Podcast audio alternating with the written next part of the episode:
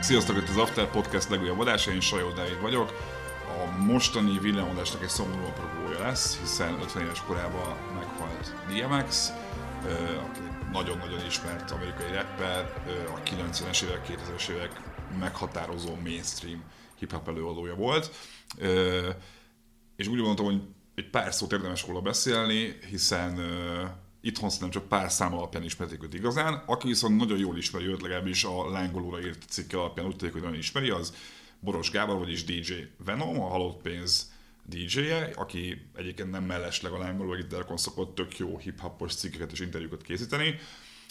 Vele fogok beszélni arról, hogy ki volt DMX, mit érdemes róla tudni, mi az, amit nem tudunk és fontos elmondani, és milyen nyomot hagy maga után a hip-hopban. Nekem mindig az a gyanúm, hogy a DMX az Magyarországon így sokkal ismertebb mondjuk, mint, mint amennyire egyébként nagy sztárnak számít Amerikában, de aztán olvastam a cikkedet, és itt tökre azt láttam, hogy,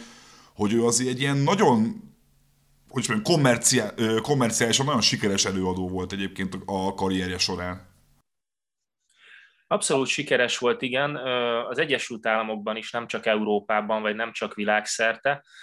A, az európai sikerei szerintem alapvetően, vagy a nem angol nyelvterületen elért sikerei, azok talán, talán inkább a külsőségekben keresendők, tehát ebben a, a nagyon reszelős, jellegzetes hangban, amivel ő bírt, azzal, hogy a, a fényes öltönyök helyett hozta ezt a danás, egyszál trikós stílust, az aranylánc helyett a, a fémkutyaláncot, és belefeküdt egy kád vérbe a lemezborítón, vérbe, mert hogy cukorból és üdítőitalból keverte a fotós, de, de ezek a külsőségek, ezek nagyon könnyen dekódolhatóak voltak szerintem a, a, a nem angol anyanyelvű hallgatók számára is és tényleg egy világsiker kerekedett belőle, de az Egyesült Államokban is, is óriási volt körülötte a, a hype, már amikor az első lemeze megjelent. Az, hát az hány, körül, hány körül járunk az első lemeznél? Az 1998 május. Aha, aha. Az 98 május, és előtte volt egy nagyon komoly single széria, ahová valószínűleg a, a Def Jam, az ő kiadója ö, ö, tolta őt be, és LL Cool J dalban lehetett hallani, a Deluxe-nak a, a singljében működött közre, a, a kiadótás Anix-nál működött közre, és mire odaért az egész történet, hogy az első album következik, addigra már volt egy saját slágere, plusz ezek a közreműködések, és ez együtt oda vezetett, hogy, hogy az első héten, ha jól emlékszem, akkor félmillió eladott példány fölött fogyott már a lemezéből. Ami nekem nagyon felkeltette a figyelmet a cikketbe, az az, hogy utaltál arra, hogy a DMX-nek a felbukkanása az amerikai popzenébe, az egy kicsit olyan paradigmaváltás volt, mint amikor ez a, az öltönyös Jiggy időszaknak egy ilyen teljes ellentéte lett volna a DMX megjelenése, vagy legalábbis mit lehet volna egy ilyen utalás a te cikketbe, ezt nem tudom, jól vettem el. Ezt abszolút jól, igen, egy, egy korszak határnak szokták az It's Dark and Hell is Hot lemezt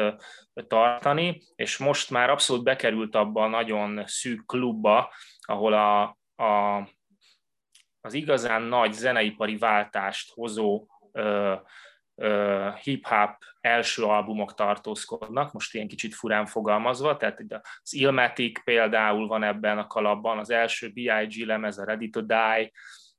az első Snoop Dogg album, mondjuk a Doggy Style, és most már ebbe a kalapba kezdik tenni ezt a DMX albumot is. Az előző év, 1997, az egy, az egy teljesen más korszak volt a hip hopban. Akár egy külön korszakként is lehet értelmezni. Tupák és Biggie halála után egyszerűen mindenki, az egész hip-hop közösség egyfajta felüdülésre, egy kis nyugalomra vágyott. Egy, egy nagyon jól táncolható, zenékkel teli, feel good hangulatot keresett mindenki. Az amerikai média által ö, egy picit ilyen ö, szenzációhajhász módon ez a keleti oldal, nyugati oldal közötti beef ö, annyira ö, elhatalmasodott, hogy, hogy két meghatározó előadónak a, a halála után egyszerűen felüdülésre volt szüksége a, a hip-hop közösségnek, és erre tökéletes volt például a Will Smithnek a Big Willie Style lemeze, vagy, vagy Puff Daddy-nek a, a No Way Out, és, és egyszerűen mindenki egy, egyfajta feel-good hangzást keresett. De valahogy a DMX nekem, aki nem vagyok benne annyira, mint te ebben a fajta hip-hopban, pont olyannak tűnt, mint aki ezt a tupekék féle kicsit gangsteresebb utcávonalat hozta volna vissza rögtön azután kb., hogy, hogy divatba jött ez a, ez, a, ez a könnyedebb műfaj. Senki nem gondolta volna, hogy, hogy egy nagy lemez és egy előadó ekkora váltást tud előidézni. Nem volt teljesen egyedül DMX, például aki még ugyanebben az időszakban lett nagyon sikeres, ő Big Pun, Big Punisher, aki az első olyan rap előadó volt, aki latinó származású platina lemezt tudott elérni. Tehát nem volt teljesen egyedül, de de például Daddy nem akarta őt leszerződtetni, mert egyszerűen úgy gondolta, hogy, hogy a jelenlegi piacon nem értékesíthető egy ilyen hardcore hip-hop előadó, mint, mint amilyen DMX volt, és ugye ő mindezt a gyerekkorából, fiatal korából hozta magával, tehát ő ezt a lényében hordozta, ez nem egy kitalált image volt, ez nem egy, nem egy tudatos előadói vagy kiadói döntés, hogy, hogy ő egy utcai költészettel és vallási hevülettel keveredő hardcore hip-hop lemezzel fog próbálkozni a piacon, egyszerűen ez belőle természetesen fakadt. Senki nem gondolta, hogy ekkora sikert fog elérni, amikor a, amikor az ő szerződtetését nagyon propagáló Irv Gári fölírta a Dev irodában a falra egy filctollal, hogy, hogy 5 millió eladott példány a, a frissen szerződtetett DMX neve mellé, akkor gyakorlatilag az executive-ok kinevették így kórusban, hogy de hogy fog eladni, hát örülhetünk, hogyha pár százezer kápi elmegy majd a lemezből, és hát Gátinak lett igaza, mert nem csak az első albumból fogytak milliók, hanem a másodikból is, a harmadikból elfogyott 5,5 millió példány, és mind az öt lemez, az első, az első öt DMX lemez, mindegyik az első helyen nyitott a Billboardon, ami egy akkora pop történeti ö, rekord volt, hogy csak 2013-ban Beyoncé tudta megdönteni. Szerinted mi volt az, amit DMX hozott, és addig ezt más nem tudta hozni. Hát az elején talán már említettük a külsőségeket, az egy, az egy nagyon kerek egész volt. Tehát a hang, az öltözködés, tényleg ez az alfa hím megjelenés a, az izmokkal, a trikóval, a terepszínű bandanával, a, a kutyák iránti rajongása, amit persze a lemezeken hallható morgással és jellegzetes ugatással is kiegészített. Yo, yo, the dog is here! Yo, yo, the dog is here! Tehát DMX flowját, a hangját egy másodperc alatt fel lehetett ismerni, és, és ez már alapból egy kuriózumnak számított. Másfelől ott volt az a fajta hitelesség, amire, amire a hip-hop előadók talán mondhatom azt, hogy egészet törekszik, attól függetlenül, hogy mondjuk valaki egy, egy egy hardcore hip-hop előadó, vagy mondjuk egy, egy kissé már inkább a költészetbe hajló dolgot képvisel, mint mondjuk a Common. A hitelességet ö, gyakorlatilag mindenki rendkívül fontosnak tartja, és DMX nagyon hiteles volt abban, amit magával hozott. Tehát a, a rengeteg javítóintézetbeli balhé, a börtönviselt múltja, tehát azok, amik a dalszövegekben megjelentek, azokat ő valóban átélte, és, és ő tényleg egy nagyon, nagyon meggyötört gyermekkort, fiatalkort hagyott maga után, amikor ezekkel a lemezekkel jött. És volt a, a tehetségnek egy ilyen elképesztő együttállása is, amikor ez a debütálás megjelent, hogy például a, a, a lemez legnagyobb slágerét egy tinédzser írta, aki utána mondhatjuk azt, hogy a generációjának az egyik legnagyobb producer zsenie lett, Swiss Beats, aki, aki most Alicia, Alicia Keys férje, a Versus battle csinálja Timbalanddal, ami kint Amerikában egy, egy ilyen óriási ö, ö, internetes szenzáció most az elmúlt egy évben, de, de gyakorlatilag a Rough Riders brandet, ö, produkciós céget is az ő kettőjük és még néhány kollégájuknak a, a tehetséget tett nagyjá. Tehát még, még a külső értékek, a tartalmi értékek mellett még a, a tehetségek együttállása is ezt, ezt valahogy elősegítette. A, azért is örülök, hogy veled beszéltek a DMX-ről, mert a DMX sikerében nekem egy kicsit az is mindig feltűnt, hogy legalábbis Magyarországon főleg, hogy ha van hip-hop buli, akkor kettő vagy három DMX sláger az garantáltan le fog menni általában a, a csúcspontokon. Arra akarok ezzel kiukadni, hogy miközben te magad is mondtad, hogy egy ilyen önazonos, true, hardcore csáva volt nehéz gyerekkorral. Benne az volt nekem a pláne, hogy, hogy nem, tud, nem tudta elmenni egy, egy, egy rap buliba, vagy egyébként bármilyen buliba, ahol ö, fekete zene szólt a 2000-es években, anélkül, hogy szól volna egy DMX sláger. Te például DJ-ként mennyire nyúlsz mondjuk gyakran DMX-hez? Hát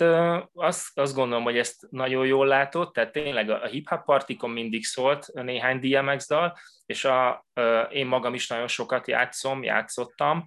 és ami még nagyon érdekes, hogy nem csak hip-hop partikon, hanem gyakorlatilag bármilyen partin van két-három olyan DMX felvétel, amit le lehet játszani le lehet játszani mondjuk a szimplában egy, egy angol fiatalokból álló közönségnek, le lehet játszani a hardcore hip-hop fejeknek, mondjuk egy, egy hip-hop koncert után, és mindegyik helyen működik. Szerintem abban, hogy a dalai a klubokban működnek, abban óriási szerepe volt a produkciós gárdának. Tehát itt, itt megint visszautalnék egy kicsit Swiss Beats-re, aki ezekkel a repetitív, saját billentyű témákra alapozó alapokkal gyakorlatilag egy kicsit megelőzte a korát. Tehát, hogy, hogy ő elvetette ezt a, a régi vinilekről begyűjtött jazz, funk, soul mintákat egy picit háttérbe szorítva, és saját, teljesen százszerzelékig saját alapokat kezdett el írni. Ez már, ez már nem mindenkinek jött be, de mondjuk sokkal közelebb áll ahhoz a fajta klub hangzáshoz, mondjuk így, amit az elmúlt évtizedekben megszokhattunk a, a világ bármely pontján a, a klubokban magukban. Tehát, hogy, hogy ez a fajta produkciós szemlélet, ez, ez már egyfajta időtlenséget biztosította ezeknek a daloknak.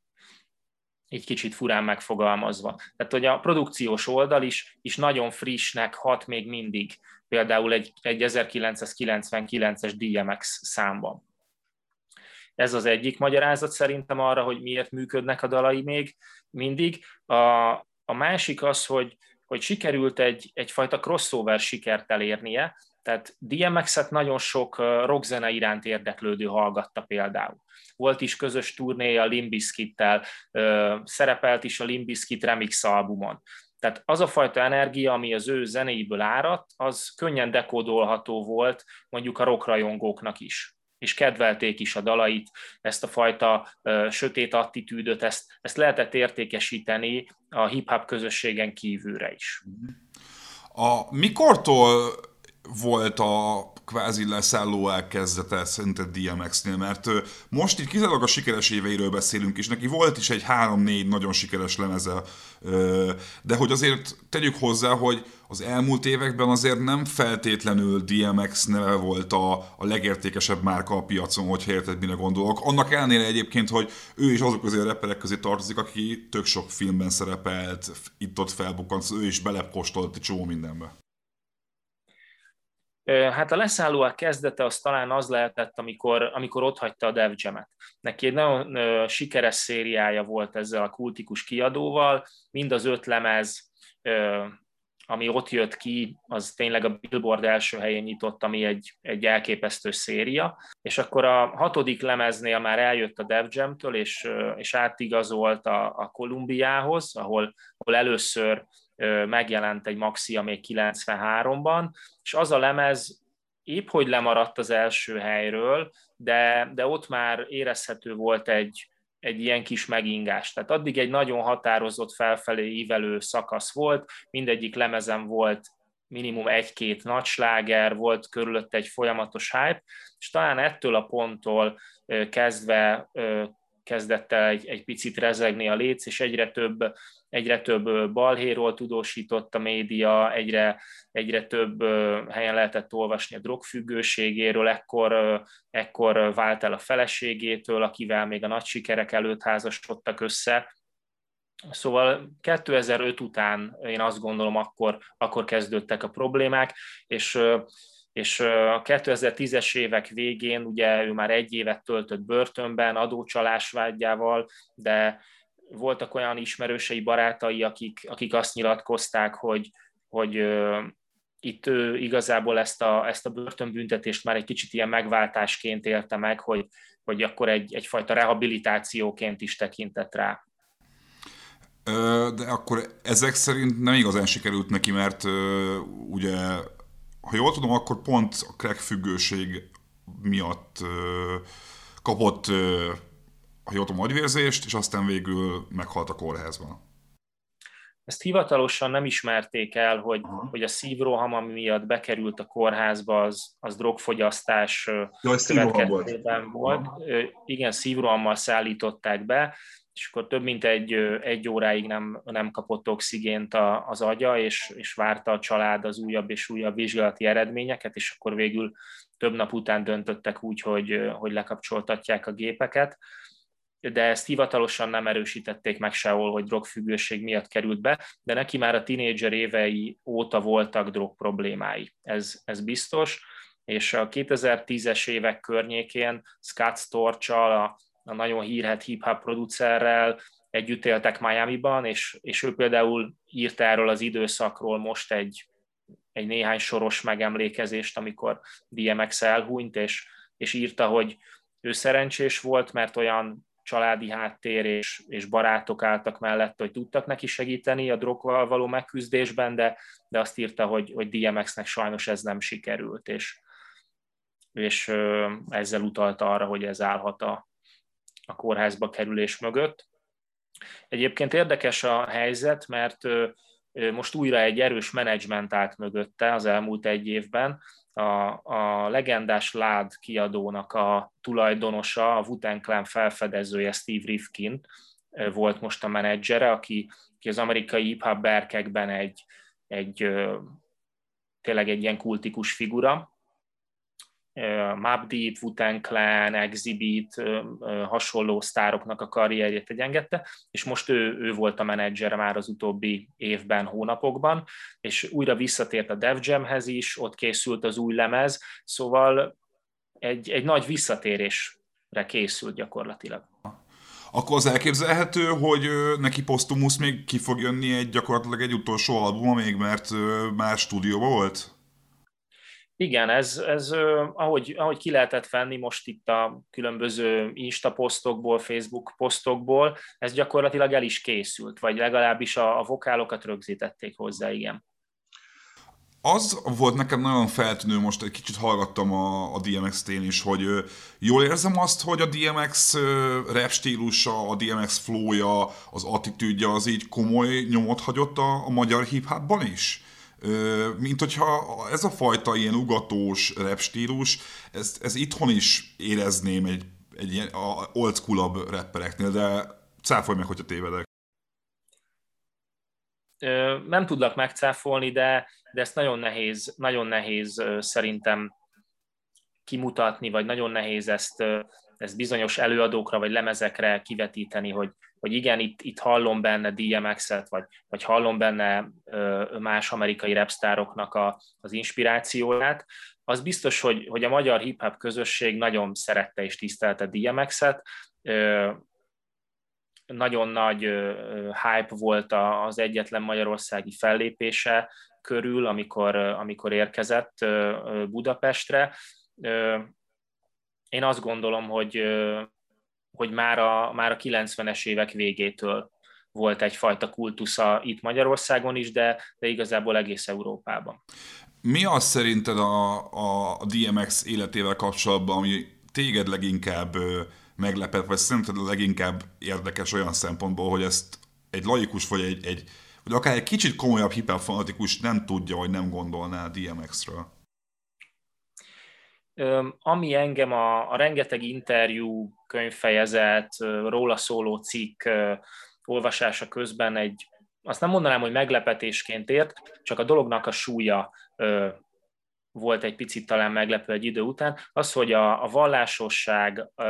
mennyire fontos szerepet töltött be az ő életében, illetve hogy ezt, ezt milyen sikerrel tudta beépíteni nem csak a lemezeinek a tartalmába, a daloknak a tartalmába, hanem az élő fellépésekbe is.